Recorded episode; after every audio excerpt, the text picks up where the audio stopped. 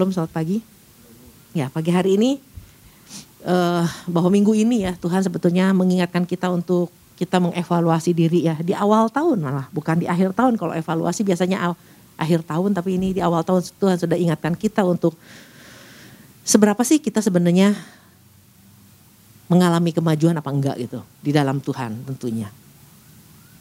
Nah ini yang harusnya menjadi sebuah apa ya ke, ke, ke, kerinduan kita ya. Ini harusnya menjadi sebuah cita-cita semua anak-anak Tuhan punya kemajuan yang nyata gitu loh. Nah, um, kalau kita sadar itu bahwa kalau ketika Tuhan bilang tentang kemajuan yang nyata dan kita menyadari itu dan kita mau mengambil langkah yang nyata, ya itu bagus gitu loh.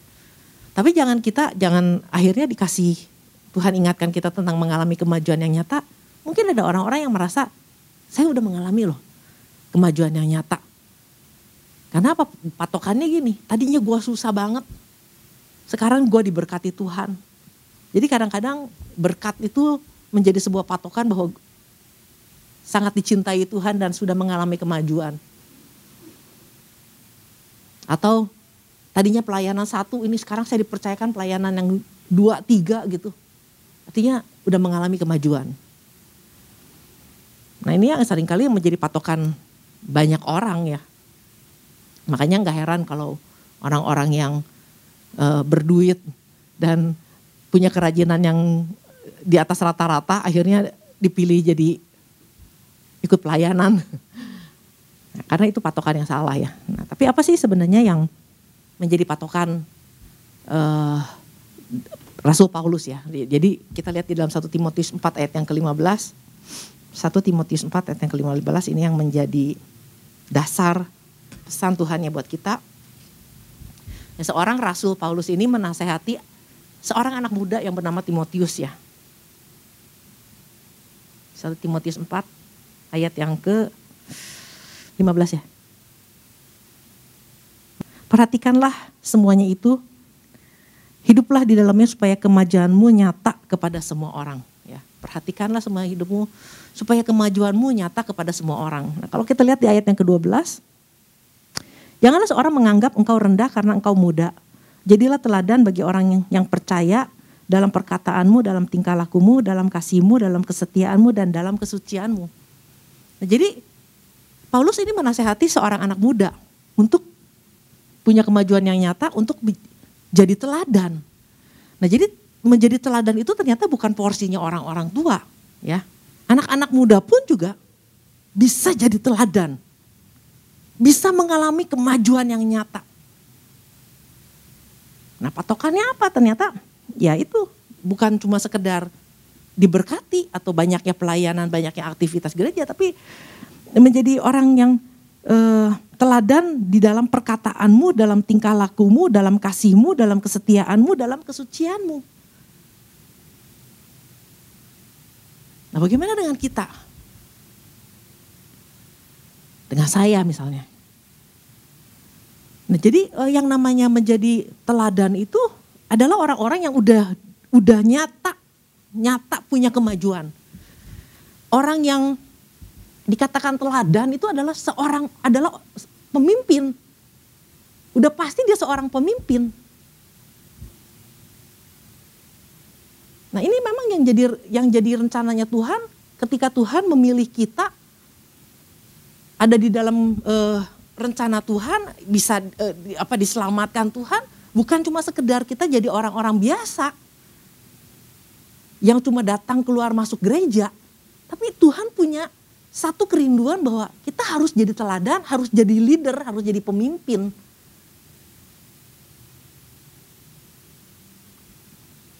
Karena cuma pemimpin-pemimpin, cuma cuma para uh, leader inilah yang bisa membawa pengaruh. Semua orang mungkin datang ke gereja tahu lah ada visi di gereja. Mau visi besar, visi kecil, tahu ada visi. Tapi cuma pemimpin sebetulnya yang orang yang punya mental pemimpin yang bisa menghidupi visi itu yang punya kerinduan untuk menggenapi visi itu. Nah kan kalau yang yang yang pengikut-pengikut aja kan ya udah ikut aja lah. Mau dibawa ke mana kagak ngerti juga, cuman tahu ada visi gitu. Kalau disuruh ngapal mungkin apal banget visinya. Nah jadi teladan itu sebenarnya apa sih? Teladan itu tupos ya dalam bahasa uh, aslinya. Katakan bahwa ini tentang sebuah pola, punya pola, punya patokan. Seorang yang punya yang bisa menjadi contoh untuk diikuti gambaran yang jelas gitu loh.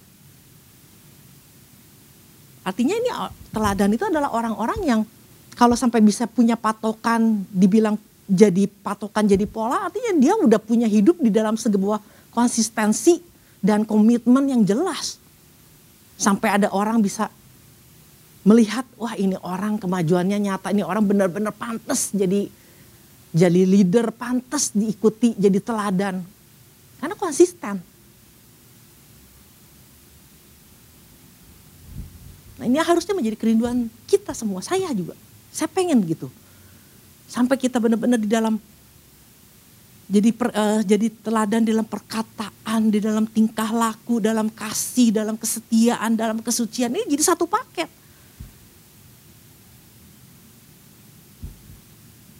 Nah kalau kita lihat di dalam kehidupan Paulus ya, semua orang tahu lah Rasul Paulus ini Rasul hebat yang bisa menjungkir balikan dunia dengan penginjilannya ini. Kita tahu dia dia dulu before dan afternya ya seorang yang tadinya uh, jahat sama anak-anak Tuhan lalu dia akhirnya jadi orang yang benar-benar radikal di dalam memberitakan Injil. Dia boleh bisa dibilang kalau sampai ada orang yang bilang kamu harus bisa jadi teladan, dia tuh udah lebih dulu. Dia sampai bisa bilang ikuti teladanku karena aku ikut teladan Tuhan Yesus. Berani nggak kita jadi orang-orang yang bisa bilang ikuti teladanku? Nah kalau di rumah kan ikutin teladan mama. Anak-anak kan cuman, eh mama gue tahu banget lu punya modal gitu loh. Tapi benar-benar harus menjadi teladan, ikuti teladanku. Karena memang Paulus itu kalau sampai dia berani ngomong gitu karena memang dia bukan cuma sekedar pindah dari kerajaan gelap ke kerajaan terang. Tapi dia memang menghidupi dan dia punya kemajuan yang nyata. Sampai dia bisa bilang ikuti teladanku itu. Nah artinya kemajuan yang nyata itu bukan cuma sekedar dia dari nggak punya pelayanan jadi punya pelayanan, bukan. Nah ketika Tuhan minta kita menjadi punya kemajuan yang nyata ini bukan cuma uh, eh, apa pencapaian pribadi di dalam hal uh, uh, apa uh, jasmani, tapi ini berbicara tentang dimulai dari kemajuan di dalam rohani kita. Jadi kalau rohani kita bertumbuh, menjadi dewasa pasti akan terlihat gitu. Nah, um, jadi memang dimulai dari dari kehidupan uh, dari dalam dulu. Waktu Tuhan bilang tentang kemajuan yang nyata, kalau kita kerohanian kita mengalami kemajuan, yang uh, udah pasti yang hal-hal yang yang nggak rohaninya akan lama-lama makin hari makin menciut. Tapi kalau kita majunya di dalam hal jasmaninya, lama-lama yang rohaninya makin menciut. Jadi kalau kita pengen maju, ya uh, apa uh, kalau um, jadi gini, kadang-kadang orang masih ingin maju di dalam satu hal, tapi bagian rohaninya nanti mau, dia berharap bisa ngikutin. Enggak, ternyata kalau tuh kalau kita diingatkan tentang kemajuan yang nyata itu dimulai dari kehidupan rohani kita yang maju dulu. Udah pasti hal-hal yang duniawi, yang kedagingan lama-lama akan berkurang. Seperti eh, Yohanes uh, bilang, Tuhan harus semakin besar. Aku semakin kecil. Atau Paulus juga bilang, e, hidupku bukan aku lagi. Nah sampai bisa hidupku bukan aku lagi. Jadi udah bukan tentang urusan saya dan saya. Tapi urusannya tentang urusan Tuhan. Nah ini sebuah kemajuan. Nah, sampai Paulus bisa punya keinginan uh, punya punya satu statement bahwa hidupku bukan aku lagi tapi Kristus yang hidup. Artinya dia dia pribadinya udah tenggelam dan yang ada cuman orang cuma bisa lihat Kristus di dalam dia. Nah, kenapa dia punya kesadaran seperti itu? Kita lihat di dalam Kolose 3 ayat yang ke-20, eh, ayat yang ke-12. Kolose 3 ayat yang ke-12.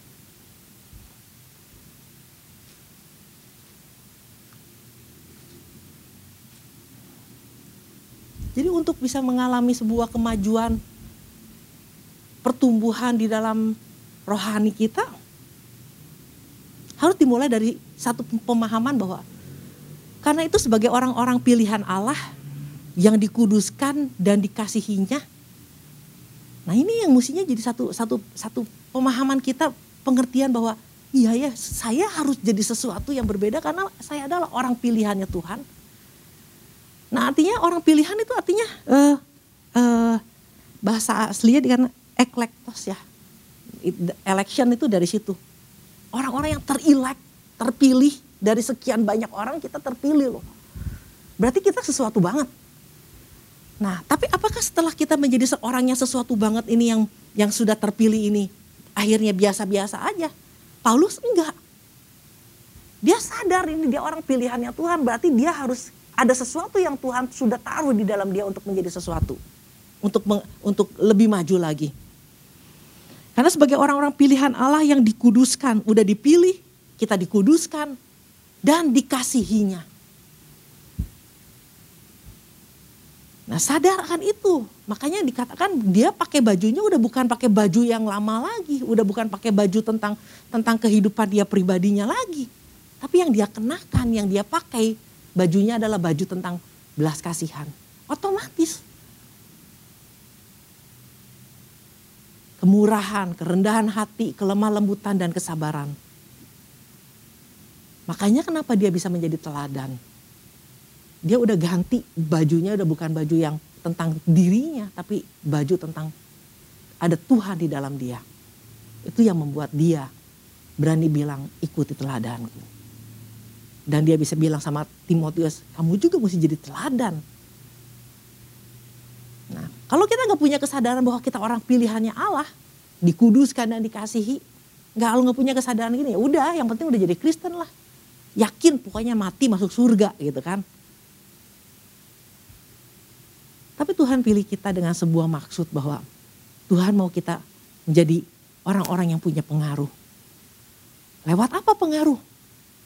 bukan cuman bisa membagi-bagikan sesuatu, tapi lewat belas kasihan, ada kemurahan, ada kerendahan hati, kelemah lembutan dan kesabaran. Mungkin orang bisa bilang, gue punya semua tuh.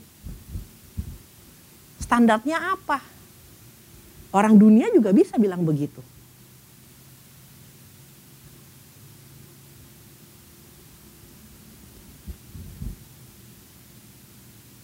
Nah ini yang menjadi uh, harus menjadi perenungan setiap kita. Nggak, kalau kita nggak nggak paham bahwa kita dipilih Tuhan dari sekian banyak kita betul-betul dapat kasih karunia. Kalau kita sadar itu, berarti gua mesti jadi sesuatu. Nggak bisa biasa-biasa aja. Contoh gini, mungkin hari-hari ini kita beberapa dari kita dipilih, dipercayakan sama gembala menjadi ketua ini, ketua itu, untuk pelayanan ini, pelayanan itu. Ketua e, gembala tentu lihat sampai bisa terpilih dari sekian banyak ratus jemaat kita terpilih kan berarti kan ada potensi. Betul nggak? Ada potensi. Nah, tapi apakah setelah kita dipilih, ah ya udah, biasa-biasa aja juga nggak apa-apa, udah jadi ketua misalnya. Enggak. Kalau kita sadar dari sekian banyak kita dipilih, dipercayakan, artinya kita adalah orang-orang yang harus terus membangun. Orang-orang yang harus terus menambah-nambahkan lagi sampai kemajuan kita nyata lebih lagi.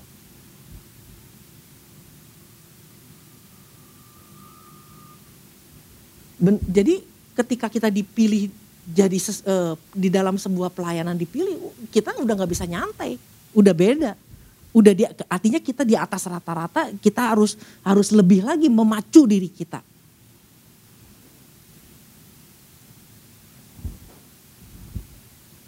Karena apa?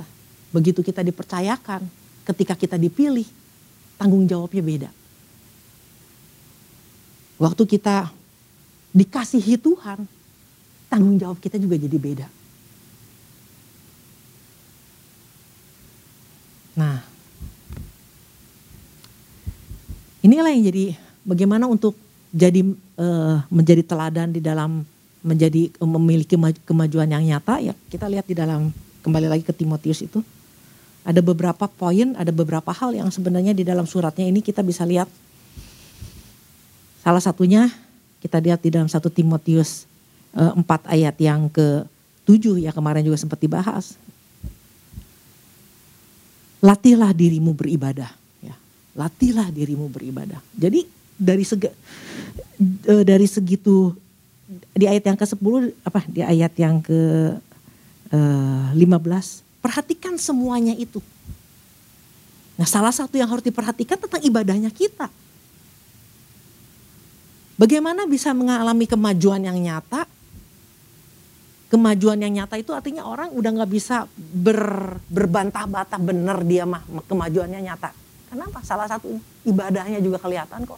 Latihlah dirimu beribadah. Ini nggak disuruh bilang gini, kamu harus beribadah. Dikatakan kamu latihlah dirimu beribadah.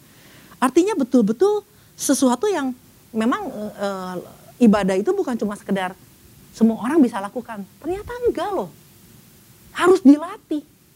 Nah setelah latihan orang itu jadi mahir dan ibadah itu harus mahir. Nggak cuma sekedar yang penting minggu datang aja. Apalagi kalau ibadahnya di mall, yang penting udah datang, udah setelah itu udah gitu. Tapi enggak ternyata ibadah itu punya makna harus dilatih. Kalau dilatih, kamu harus mahir. Kayak orang uh, ikut uh, nge-gym, dia latihan terus tapi badannya pewot terus kan nggak kemajuannya nggak nyata.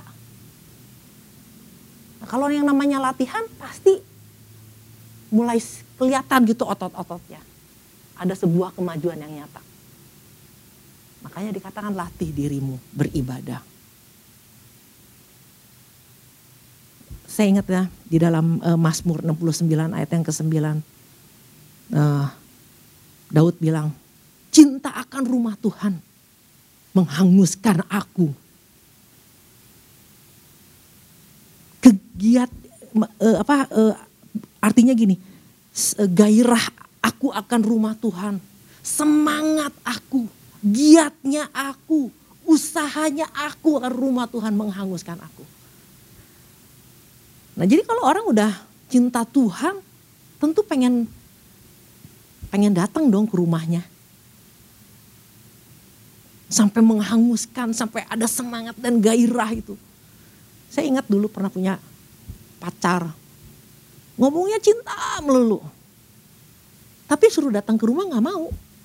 Alasannya banyak banget gitu. Ditelepon aja.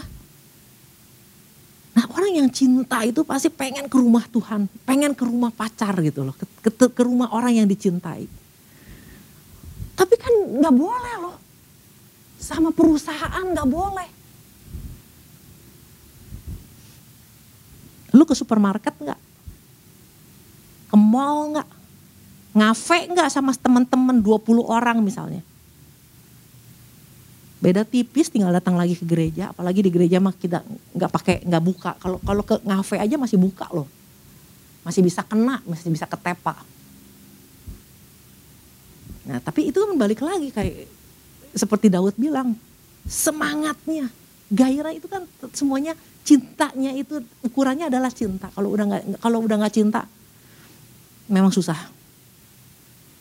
Nah jadi untuk jadi teladan, mau ngomong jadi teladan, jadi leader, ibadah aja dengan nongol misalnya gitu, ya. Terus yang untuk bisa uh, Paulus juga menasehati untuk menjadi memiliki kemajuan yang nyata ini di ayat yang ke-10 di sini dikatakan Itulah sebabnya kita berjerih payah dan berjuang. Karena kita menaruh pengharapan kita kepada Allah yang hidup, juru selamat semua manusia, terutama mereka yang percaya. Jadi memang untuk mengalami kemajuan kita nggak bisa cuma sekedar bang, nyantai, tapi ada sebuah usaha yang nyata. Ya, usaha yang sungguh-sungguh untuk mengalami kemajuan. Nah, Paulus juga nggak sekedar kalau dia sampai dia bisa bilang ikuti teladanku dan dia ngalami kemajuan tuh nggak semata-mata dia cuma ngomong doang. Di dalam salah satu suratnya dia bilang bahwa uh, yang ku kehendaki ialah mengenal Tuhan. Jadi ada satu usaha untuk mengenal Tuhan. Usaha itu yang yang paling penting. Kalau orang cuma ya datang ke gereja dengar beda sama yang orang usaha nih, udah habis dengar firman Tuhan, ada dengar khotbah, pulang ada usaha.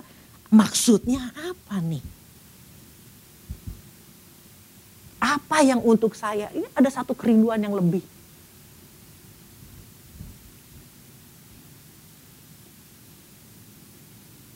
Kayak misalnya hmm, apa uh, kemajuan yang nyata juga di dalamnya uh, dari, dari kehidupan Paulus. Paulus juga bilang bahwa aku berlari, aku berlari sedemikian rupa ya. Filipi 3 ayat yang ke-14. I press toward the goal. Jadi ada satu usaha, ada satu gairah, ada satu hal yang keluar dari dalam dia yang ingin ingin lebih lagi. Jadi nggak bisa yang namanya mau jadi memiliki kemajuan dan nyantai itu nggak ada gitu loh. Dan berlari-lari kepada tujuan untuk memperoleh hadiah itu panggilan sorgawi dari Allah dalam Kristus Yesus. Dia nggak jalan. Dia nggak nyantai-nyantai tapi dia berlari-lari. Press. Dia push diri dia. Nah usaha yang selain itu juga untuk untuk kita memiliki kemajuan yang nyata, usaha untuk tetap melekat sama Tuhan. Kan beberapa waktu yang lalu kita diingatkan pokok dengan carang. Yesus itu pokoknya kita carangnya. Ini nggak gampang loh melekat terus di zaman-zaman seperti ini. Dengan keadaan dunia yang terus narikin kita. Untuk melekat nih kayak gini nih, melekat terus ini. Ini perlu usaha. Ini karena dunia narikin terus nih supaya jauh. Game, apalagi gadget ini narikin kita ini untuk tetap melekat Makanya di dalam kita sekarang disuruh melekat gini. Punya problem. Saya juga punya problem. Kita punya problem semua rata-rata. Jangan fokus sama problemnya. Fokus untuk tetap melekat sama Tuhan. Ini yang jadi yang yang yang saya terus renungkan bahwa melekat sama Tuhan berarti kalau Tuhan punya hal-hal yang dahsyat itu saya pasti terima karena saya melekat. Kalau Tuhan punya kesembuhan buat anak saya, kalau saya melekat, pasti saya terima gitu loh. Daripada saya fokus sama anak saya yang sakit, saya lebih fokus dengan nempel aja udah. Dan ini nggak gampang loh. Karena dunia keadaan yang kita lihat itu membuat bisa lepas terus. Nah, jadi untuk melekat sama Tuhan aja perlu usaha.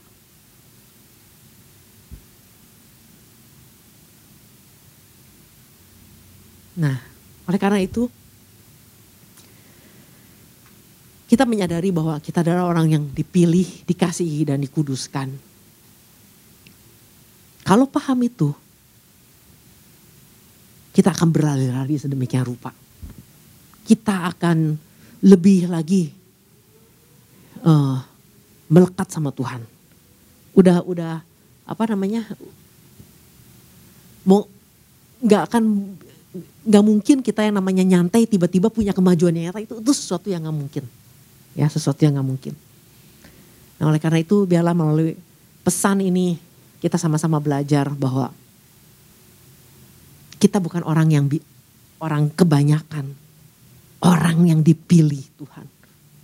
Dan ketika Tuhan pilih kita, Tuhan punya ekspektasi yang lebih.